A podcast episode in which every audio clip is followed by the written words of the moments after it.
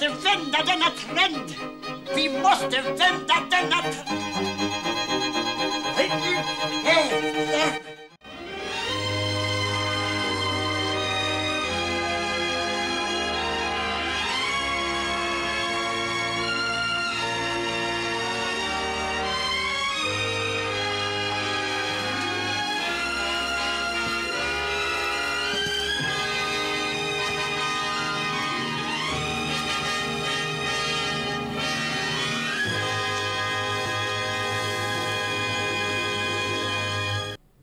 Hallå allihopa!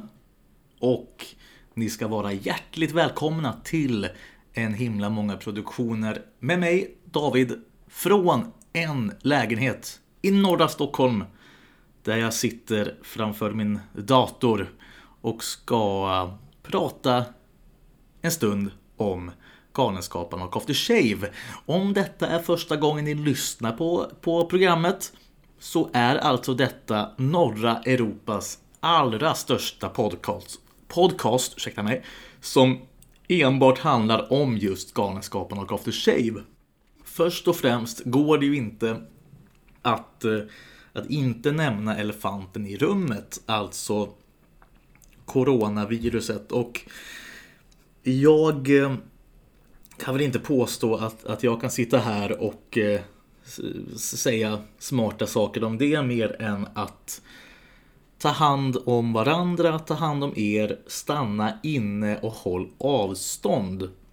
Och framförallt bara försök att gilla läget.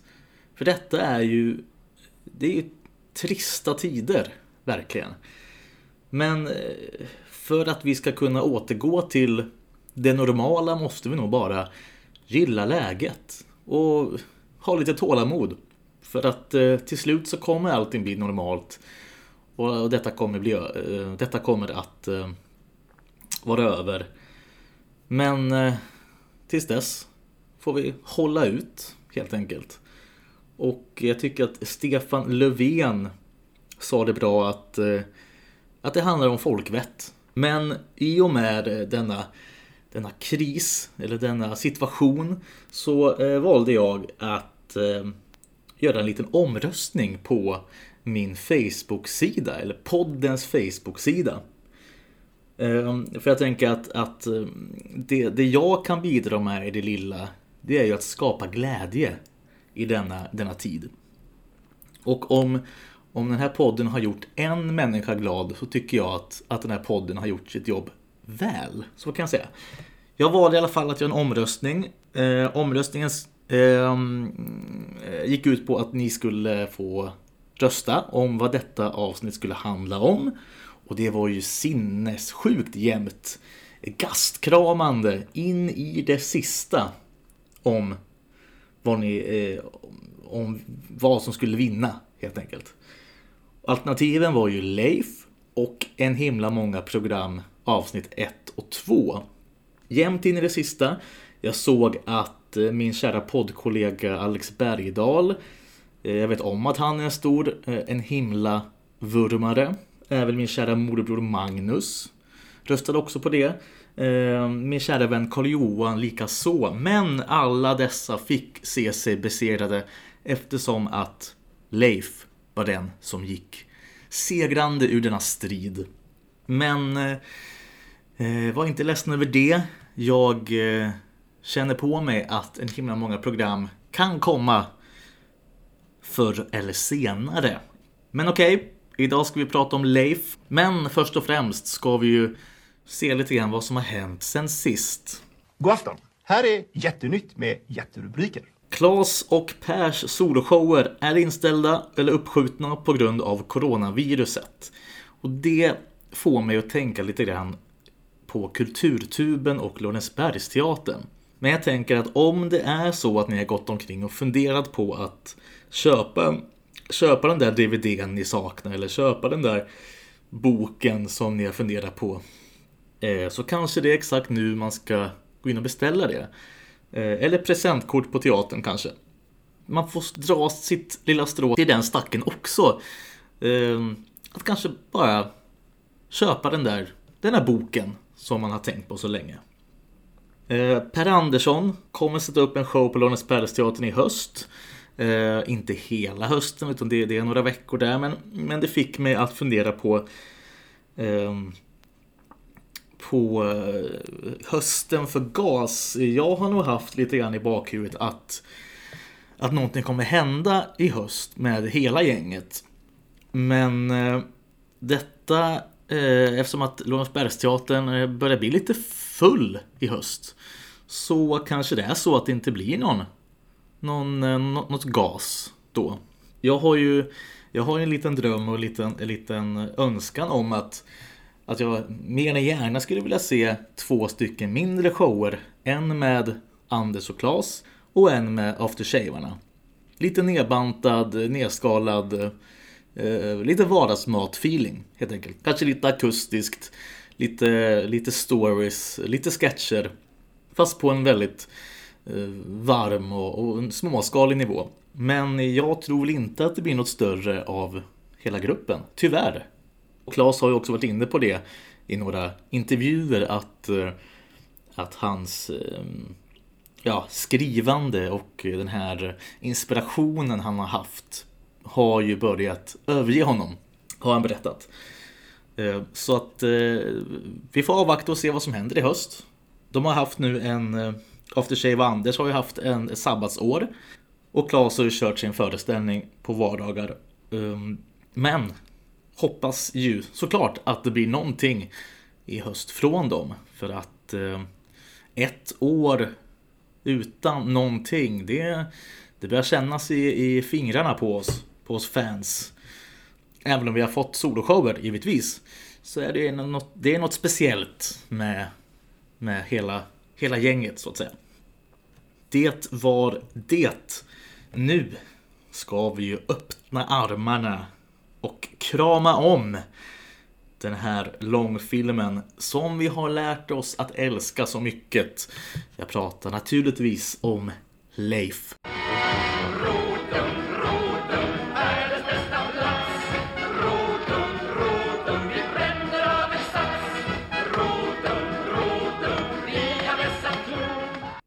Jag läser som vanligt från Kulturtubens hemsida. I det lilla brukssamhället Rotum slår insändaren i lokaltidningen ner som en bomb. Signaturen Leif påstår att ortens stora vapenfabrik ägnar sig åt illegal vapenhandel. Orosmolnen hopar sig och Rotums invånare förenar sig för att hitta Leif och få honom att ta tillbaka påståendet. Även om det skulle visa sig vara sant. Under inspelningen av Galenskaparnas och Aftershaves första långfilm rullas Bofors-affären upp och man undrar om verkligheten varit och tjuvkikat i manus. I pressmaterialet och i eftertexterna konstaterar manusförfattaren och regissören Claes Eriksson att citat “Varje likhet med verkligheten i denna film är tyvärr större än den borde vara”. Slutcitat. Filmen har premiär mitt i sommaren 87 och ses av nästan en miljon biobesökare. Vilket gör den till Galenskaparnas och After Shaves största biosuccé genom åren. Ja, Leif var alltså eh, den allra första långfilmen av Galenskaparna och After Shave. Eh, jag var inne lite grann på detta även i cyklar-avsnittet. Eh, bakgrunden till att eh, GAS fick göra en film och jag kan ta det lite snabbt igen.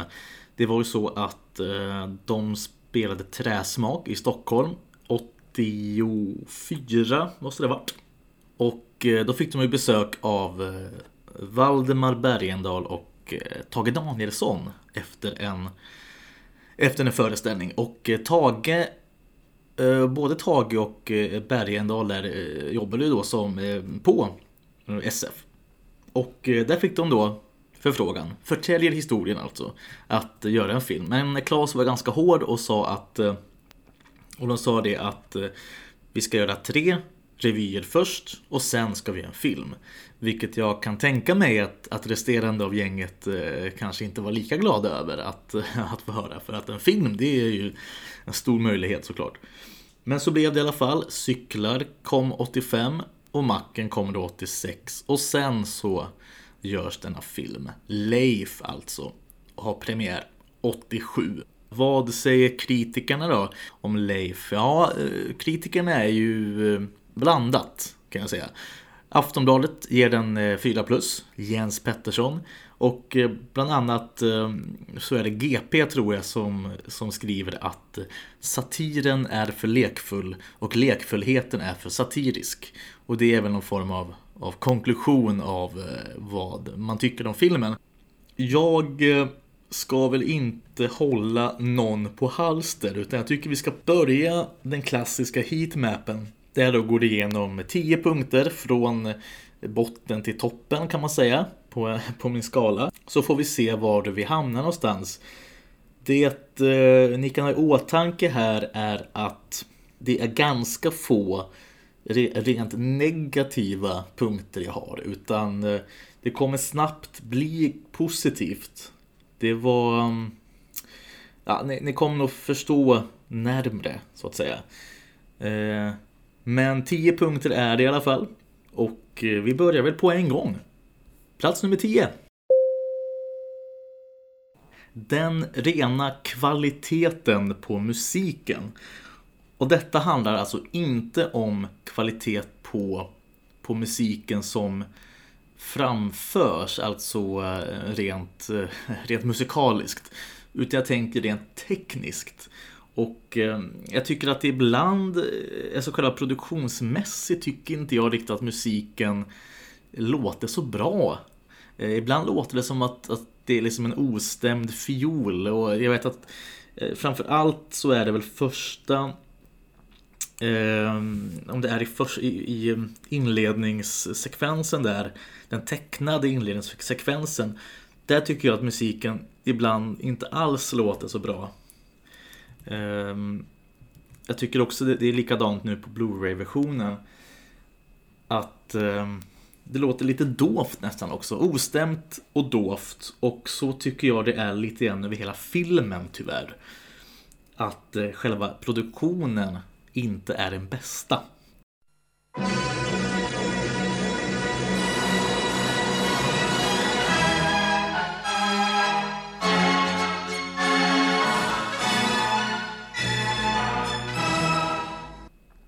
Plats 9. Anders fast i Roy-dialekten. Och detta har ju Anders själv pratat om.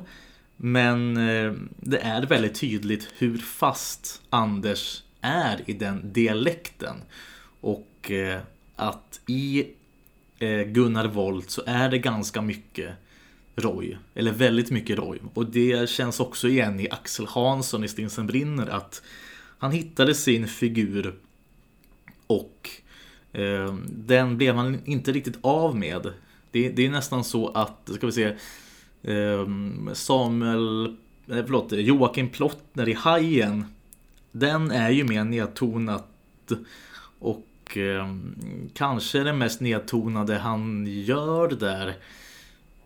För sen har vi ju då eh, Macken 90, Stinsenbrinner 91, Grisen säcken 91 och där är ju Vaktmeister då också eh, lite rojig och även eh, Jan Salander i andra akten i Grisen i säcken är också lite också lite lite Roy.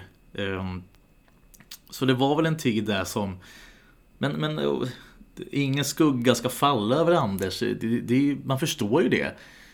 Det funkar ju och liksom alltså det är ju ingenting om man ser Leif då sitter man ju inte och tänker fan, är det, är det Roy som, som är, är huvudrollen. Men inte enformigt vill jag inte säga. Men det blir så tydligt att Roy och macken var en sån stor succé. Menar att jag ska laga den här gräddvispen billigare bara för att din brorsa på grannen med Gylfen? Man kan alltid fråga. Mm. Ja, men tänk om Gylfen själv kommer hit och, med sin daff. Då blir jag ju skyldig honom pengar. Leif? Vem fan är Leif? Jag vet inte. Ja, men det är undertecknat Leif. Ja. Ja, vi, vi måste ha tag i Leif naturligtvis. Ja, jag har ringt tidningen men de lämnar inte ut namnet på folk som vill vara anonyma. Sen tycker jag väl också att egentligen om man ser på Gunnar Volt och Axel Hansson och även Roy. Det är ganska många likheter i, i, eh, i deras karaktärer. För både Roy Volt och Axel Hansson är ju så extremt... Eh, de älskar ju verkligen det de gör. Roy eh, älskar bilmek, jobbar med bilar. Volt eh, älskar kanoner och krut och Axel Hansson älskar ju tåg. Och alla de här figurerna får ju på något sätt ehm, De blir ju ehm, De får ju sitt, sitt liv och sitt livsverk lite hotade. Framförallt Gunnar Volt och Axel Hansson där både kanoner och krut och eh, stationen eh, ja, men hotas ju av att försvinna. Stationen rent, eh, rent eh, ja, men tekniskt, den ska läggas ner. Och, eh, och Rotums kanoner, kanoner och krut kommer ju såklart att läggas ner om det här eh, kommer ut och om det undersöks. Sen har vi då Roy i macken då, eh, vars eh, mack också hotas av nedläggning. För det ska byggas motorväg. Så det finns ju någon liten röd tråd mellan de här figurerna. Som också kanske sträcker sig ända bort till eh, eh Benny, Benny Krantz i Casinofeber. Fast eh, där är det ju lite mer tvärtom. För han ska ju då, han kommer ju då ta över sjukhus. Men det finns ju ändå någonting, någonting i Benny Krantz som också påminner lite grann om eh, de här eh, nyss nämnda karaktärerna. Um, ja, intressant. Det kan vi kanske göra någonting av i framtiden. Men vi går vidare. Plats nummer åtta. Sketchigt. Och eh, det är lite tråkigt att klaga på sånt här. Men det är ju faktiskt väldigt sketchigt. Och eh, på gott och på ont tycker jag. Eh, till exempel kan man ju om man ser på till exempel eh, Det blir ingen operation som är en av mina favoritnummer från filmen så kan man ju lätt plocka bort den och storyn i sig blir inte får, ingen, får liksom ingen skada av det. Och det finns ju lite mer eh, sådär man kan plocka bort, nu kommer jag inte på det är på rak arm sådär, men, men man kan på något sätt plocka bort vissa scener för att Eh, för att det inte ger någonting till varken karaktär eller till storyn i sig. Vissa scener är ju viktiga för karaktärerna, till exempel eh, när man ser hur de har det hemma hos, eh, först hemma hos Max och sen hemma hos Gunnar Volt. Den tydliga skillnaden där. Det är ju väldigt viktigt för just att veta vilken typ av person Max eller vilken typ av person Gunnar Volt är. Men just operationsscenen, det, det numret, är ju egentligen ganska lätt bortplockat. Vi går vidare. Plats 7. Och här är det ju faktiskt redan positivt. Eh, och det handlar ju om produktionen. Och då tänker jag eh, scenografi, jag tänker liksom mask, jag tänker eh, alltså när de gör de här eh, eh biljakten till exempel. Eh, kanondagarna, all, allt och eh, eh, kaféslagsmålet såklart. Om det inte fanns några vapen menar jag, så kanske folk skulle sluta bråka med varandra. Folk har alltid bråkat. Men innerst inne så vill ju alla varandra väl. Vad är det för skitsnack? Öppna ögonen Rambo och se dig omkring. Folk slåss överallt. Det är väldigt, det är väldigt bra gjort. Detta är ändå en debutfilm från, från Klas och Ändå är det så jäkla skickligt gjort. Det är skick, skickligt eh, hantverk. Vissa scener andas ju väldigt mycket 80-tal idag. Till exempel biljakten. Men, men, men, eh, biljakten är ju också väldigt snygg för det, det är väldigt, den känns väldigt Buster Keaton-aktig. Eh, och så ser man ju oftast att det är just eh, Klas som sitter på den där brand, brandbilen. Snygg produktion, rent tekniskt tycker jag. Skitsnyggt det ehm, kan ju citera Kalle Lind i, eh, som säger i det avsnittet om just Galenskapen och After Shave i Snedtänkt. Och där pratar han om att han alltid han får alltid sin vilja igenom. Att eh, om man vill ha elefanter och lama djur komma ut från, eh, från en, eh, en trappa full med, med, med hundra statister så, så löser de det åt honom. Och lite grann känslan får jag i eh, Leif att eh, ja, men, alla idéer han har, han, har, han har plockat fram, de blir gjorda. Och det, det, det bidrar ju till att man tycker om den här filmen så jäkla mycket. För, för det gör jag. Jag tycker Leif är... Eh, den är skitbra. Vi går vidare till platta nummer 6. Ett litet krig långt, långt borta. Och eh, det här är en, en scen där, eh, som är då hemma hos Gunnar Volt där hans son och hans fru är i köket och det blir en väldigt eh, filosofisk diskussion nästan. Eh, med just sonen Maximilian. Att Rotum som by, eller vad ska man säga, samhälle lever på att det är krig och att folk dödar varandra.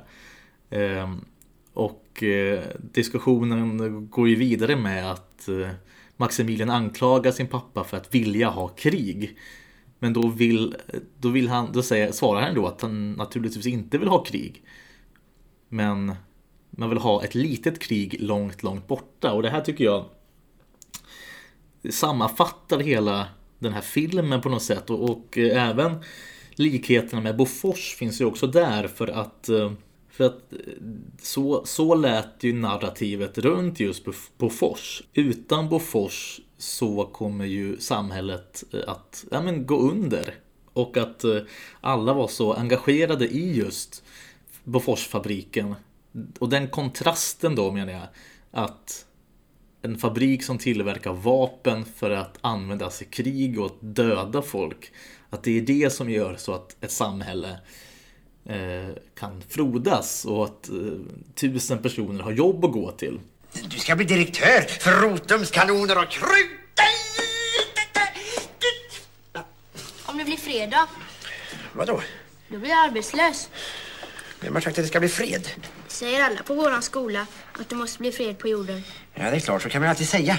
Naturligtvis vill ingen ha krig. Nej, det är bara du. Jag vill väl inte ha krig? Det har du sagt. Jag är ett väldigt litet, diskret krig. Långt, långt borta. Ja.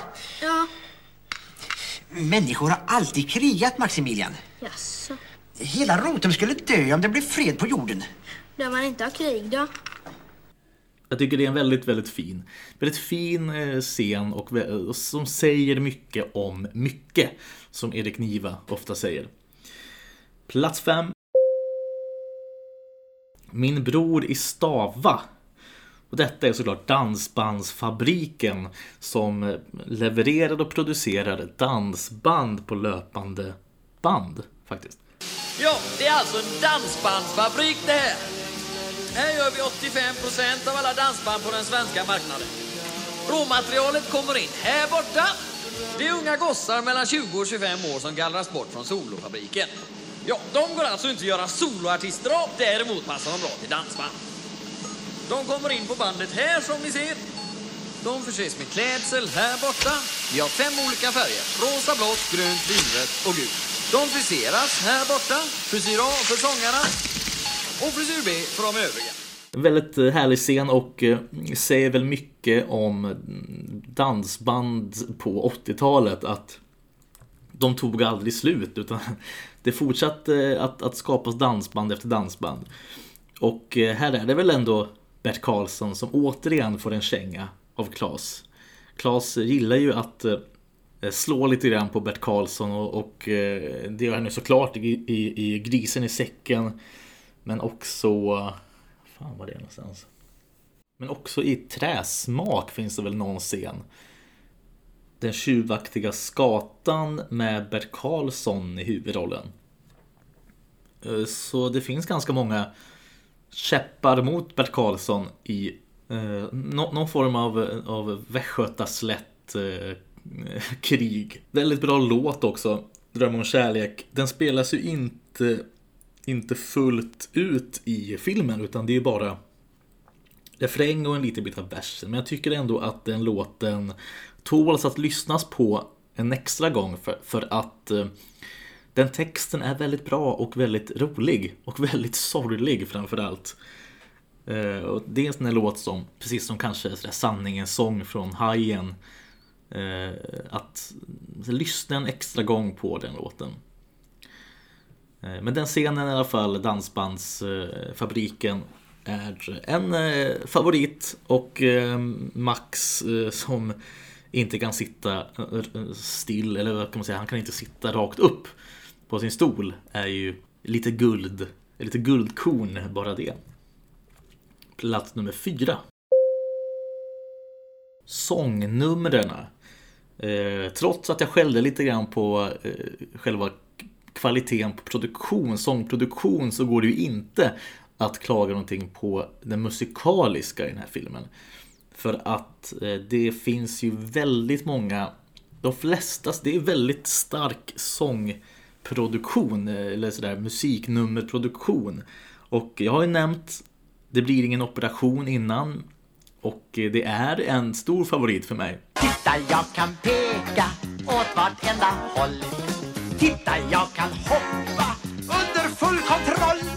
Ett under ett mirakel har kurerat mig Så glömde att ni skulle opererat mig ett huj, ett nu, ett swish Blev jag frisk som en stor valafisch Han är frisk som en stor valafisch Så många, många gånger man har försökt att sjunga med i, i den här, den här snabba partiet och misslyckats varje gång. Stoppa ner varenda rock i små lådor som har lock Packa plåster och bandage i korrekta emballage Häll tillbaka allt till gips i en burk och stäng den vips Jag är frisk som en nyknytt slips Kväll i en svensk idyll. Också väldigt, eh, precis, som jag, precis som jag nämnde där innan att det är en sån idyllisk plats att bo på. Eh, en liten småstadsidyll men i fjärran så, så, är, så är det ju den där stora va, vapenfabriken som gör det till en idyll. Och den kontrasten är väldigt eh, intressant och eh, då är ju Kväll i en svensk idyll den perfekta numret för att visa upp det. Natt i en svensk idyll har jag nästan alltid tyckt lite bättre om än kväll i en svensk idyll. Korvhandlar jäveln, sätt nu fart på skiten. Och med din senap varje korv förgyll Och spruta ketchup över all pommes fritesen. Nu är det natt i en svensk idyll. Rotums kanoner och krut, just den eh, låten sätter sig ju hårt. Mycket bra gjort. Och även, tycker jag, Leifs sång i slutet. Den är precis som, precis som hjärtat i Monopol också väldigt underskattad. Och eh, väldigt fin. Ehm, och också en sån låt man kanske missar just för att den är under eftertexterna och eh, då eh, stänger man av. Men sitt kvar eller lyssna en gång till på den här låten. Den, Leifs sång, den är... Och Knut gör ju fantastiskt bra. Han sjunger ju skitbra här. Under ytan finns en förtrollad prins Han är ren som snö och han kan aldrig dö Det här är verkligen en, en topp av eh, Knut-låtar. Sådana här Knut-sololåtar. Men kanske borde ha en sån ett sånt avsnitt, bara Knut-låtar. Knut sjunger sololåtar.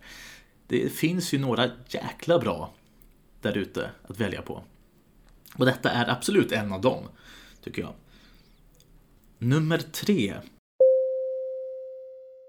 Detta är ju en väldigt, väldigt personlig, personlig grej för att jag var nog ganska gammal när jag förstod att att jag insåg att eh, Peter och Jans poliser att de, de ville ju bara tysta ner det hela. För de jagar ju direktör Volt under hela filmen i princip och sen har vi scenen där eh, där eh, hembygdsföreningen Assarsson som ju gör sin debut här. Eh, han har skrivit en lista, namninsamling på att, att Eh, Leif ska tystas ner och eh, sen har vi ju såklart eh, är det fuck, någon fuckpump som Knut spelar som också tycker att det ska tystas ner och han känner då eh, Lars, nej, Lars-Erik då. Och där kommer då en, det kommer många nyckelrepliker i den, i den här scenen. Bland annat då eh, Knuts fackordförande som säger då om inte vi gör det så kommer någon annan göra det. Och om någon annan gör det kan lika gärna vi göra det. Och eh, jag har läst mig till att, att just det citatet användes väldigt mycket under Boforsaffären. Eh, den ursäkten så att säga. Och en annan nyckelreplik från den här scenen är ju då eh, Klas som spelar kommunalråd Hylén såklart. Ehm, och eh, kommer då med citatet Å ena sidan har vi verkligheten och å andra sidan sanningen. Också säger, säger mycket om mycket. Nu, nu, har vi, nu har jag kommit ifrån lite grann ämnet här som skulle vara Jan och Per, eh, deras poliser. Men det kan också han har också en liten, en liten passus i just den här scenen som kanske är min favoritscen eh, ifrån Leif. Det är väl den här scenen och eh, café, caféscenen. Men eh, att eh, Dr. Forsman sitter med i rummet. Alltså Dr. Forsman som alltså är gynekolog. Eh, och Gunnar Volt har väl slängt in honom där för att ge någon form av ja, så doktor. Det kan, det kan kännas lite ja, lite viktigt att vi har en doktor med. Fast han är ju då gynekolog. Vi går vidare till plats nummer två. Lekfullheten. Och eh, jag har varit inne och snuddat på det innan men det finns ju väldigt mycket kärlek i denna produktion. Och man märker ju att eh, Klas älskar detta och att det är sån lekfullhet och också så mycket lust som finns i denna film. Just i, i och med att, att de här scenerna då, de här, den här jaktscenen som liksom aldrig tar slut.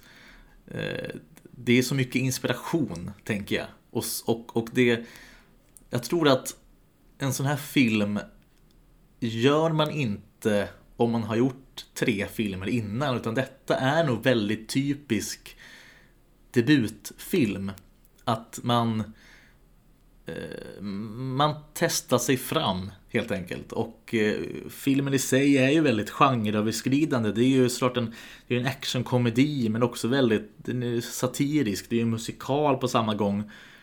Det, det är, eh, den är liksom heistig nästan. Eh, och eh, väldigt, den är väldigt samhällskritisk såklart. Men den här lekfullheten hittar man eh, också såklart, det, det återkommer också i Hajen tycker jag. Eh, även om, men, men Hajen, eh, eh den, eh, vad ska man säga, den storyn och den plotten i Hajen är lite för komplicerad för att eh, kännas fullt ut tycker jag. Men här så är det verkligen 100% glädje och det ser man också i, i hela gänget. Att att de tycker det är jävligt kul. Faktiskt. Även om eh, framförallt är det, är det väl aftershavarna som ständigt har eh, har berättat att det är ganska tråkigt att spela in film och det tar så lång tid och den extra materialet eh, bakom filmen i den enskilde medborgaren är ju väldigt väldigt härlig när ja, men när de klagar just på det. Och Jan Rippe har ju sagt det att man kommer till man kommer till sminket klockan åtta på morgonen och sminkas och är taggad och sen klockan fem på eftermiddagen då spelar man in scenen. Och, eh, men, men som sagt, det här, här är det bara glädje och ungdomlig entusiasm på något sätt. Vi ska strax gå in på, på ettan här. Eh, men det kändes som att det är lite saker som, som inte fick plats på den här listan riktigt, som man ändå måste ta med. Eh, så jag går lite ifrån formen och eh, skickar in lite sådana små små tankar bara innan vi går till den stora ettan, första platsen. Jag tycker att eh, eh vi kan gå in på Fighting Egg som den premissen är väldigt kul för att det är ju så att den illegala vapenhandeln går trögt. Så nu måste man hitta legala alternativ. Och bara det tycker jag är väldigt kul. Och Fighting Egg som, som idé är också väldigt kul. Och eh, det känns ju nästan som att, ja men varför inte? det, det skulle väl funkat bra. Vi har alltså arbetat fram en helt ny krigsprodukt, nämligen The Fighting Egg. I detta ägg sitter tre soldater. Varje plan tar åtta sådana ägg och släpper ner bakom fiendens linjer. Ägget krossas vid nedslaget och ut hoppar tre sjuklara soldater. Borta är trasslet med fallskärmar som ska vikas ihop och tas om hand. Soldaterna kommer fortare till marken. De sitter skyddade inne i ägget och är stridsberedda omedelbart vid nedslaget. Eh, om man gjorde det på rätt sätt och inte på rotum-sättet då som ju, eh, ja, är är kanske inte det bästa. Sen tycker jag en av de bästa replikerna. Eh, jag gillar att hitta, jag tycker om att hitta de här lite märkliga replikerna. Men Knut har ju en väldigt bra replik som är just We have trouble outside the dörr. Gentlemen, we have trouble outside the door. Uh, we have to put you through windows. Det, det kan räcka ibland för att min dag ska vara lite bättre. Det skulle kunna vara min sms-signal på telefonen. We have trouble outside the dörr. Ja, sen då slagsmålscenen eh, har- har vi varit och snuddat på lite grann.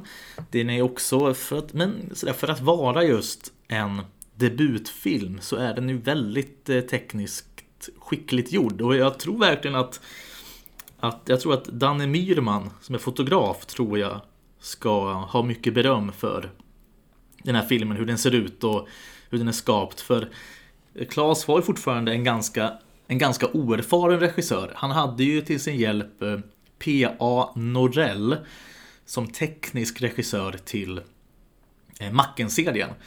Och här har jag förstått som att eh, Dan Myrman tog kanske lite den rollen här. Det, det är ingenting som har sagts, men det har jag förstått, det läser jag lite mellan raderna nästan. Att eh, Danne Myrman höll Klas kanske lite grann i regihanden i den här första filmen. Jag tycker Kerstin eh, tycker är väldigt bra i eh, den här filmen. Ehm, de, de flesta eh, skådisinsatserna är väldigt bra överlag, men jag tycker Kerstin och Anders sticker ut i denna film. Och det ska ju sägas också att GAS vann ju faktiskt två Grammisar för denna film 87, eh, 88. Förlåt. Eh, en Grammis för bästa underhållning och en Grammis för årets artist. Och det tycker jag är lite kul. Det är ingenting som... som för Grammis är en sån... Det är, det är ju rätt kreddig... Rätt kreddigt pris.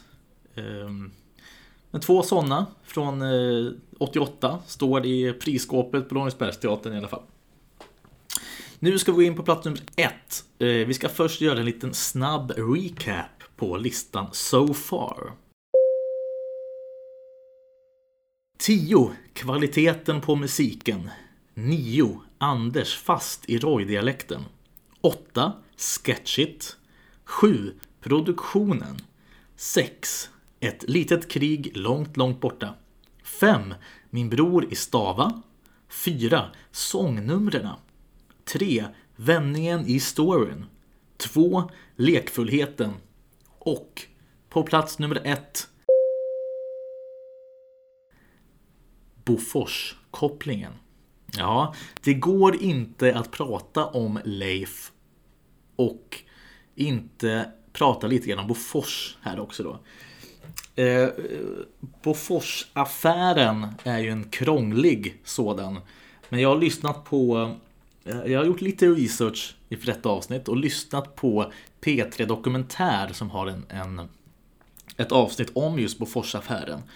Och när man hör det så, så är det ju det är väldigt mycket likheter mellan Bofors och Leif. Bland annat just det att det är någon inifrån som var så att säga the whistleblower. I Bofors fall var det någon som hette Ingemar Bratt, har jag för mig. Och han var då den som avslöjade alla skumraskaffärer. Och i Leifs fall är det då ja, men Gunnar Wolt själv som är the whistleblower. Men också det att Bofors och Rotum är ju så, det är så väldigt likt där. Att eh, just det här med att man vill tysta ner det och att eh, man tänker ju på sin egen, eh, på sitt eget såklart. att det här med illegala vapenaffärer och att vapnen används i, i tredje världen och att vapnen säljs till länder som Sverige inte får sälja till. I Boforsfallet alltså. Att de som jobbar på Bofors, eh, de verkar inte riktigt bry sig om det. Att eh, den här Boforsandan som är unik, eller Rotumandan som är unik. Det finns ju i, i både i filmen och i verkligheten just den, det uttrycket, Boforsandan, Rotumandan. Och att det här med att alla vill tysta ner det är ju också det som hände på riktigt för att de här avslöjandena kom ju då eh, Fick, då fick de vetskap om det någon, det var någon minister, nu kan jag inte namn och sånt, men det var någon ansvarig minister och eh, några till sådana eh, högt upp i, i statsapparaten. Fick veta detta men båda två sa att det inte stämde. De, de, de sopar allt under mattan. Precis som de vill göra i, i Leif här då. Att eh, sopa allt under mattan. Um, och helt enkelt dementera allting. Um, jag är inte helt säker på hur mycket i Bofors affären som hade eh, hunnit rullas upp innan Leif började spelas in. Eh, jag vet att 80, var det 84 tror jag, 83, 84 någonting som det hela började i alla fall. Och så vet jag att både Claes och Anders har sagt att det de spelade in på dagen sades på nyheterna på kvällen.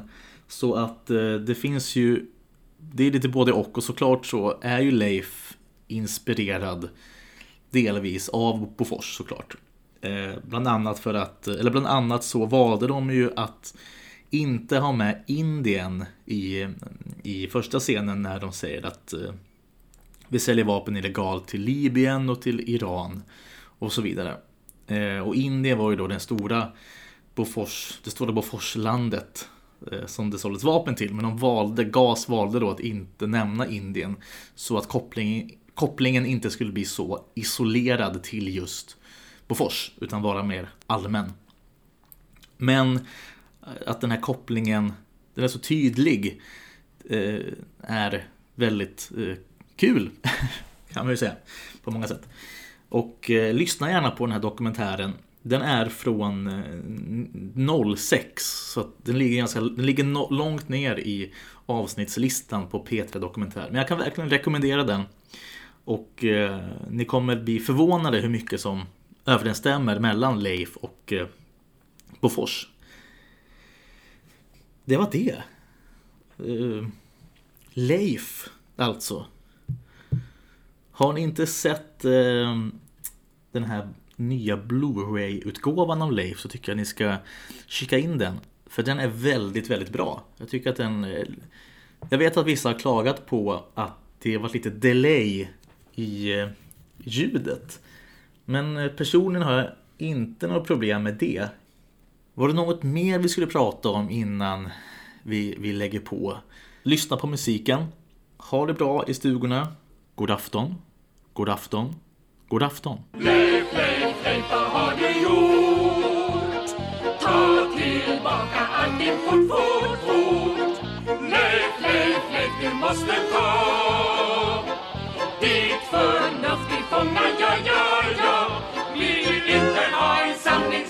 så förbannat mörk. Vi vill ha idyllen kvar, en stuga, sjö och en liten björk.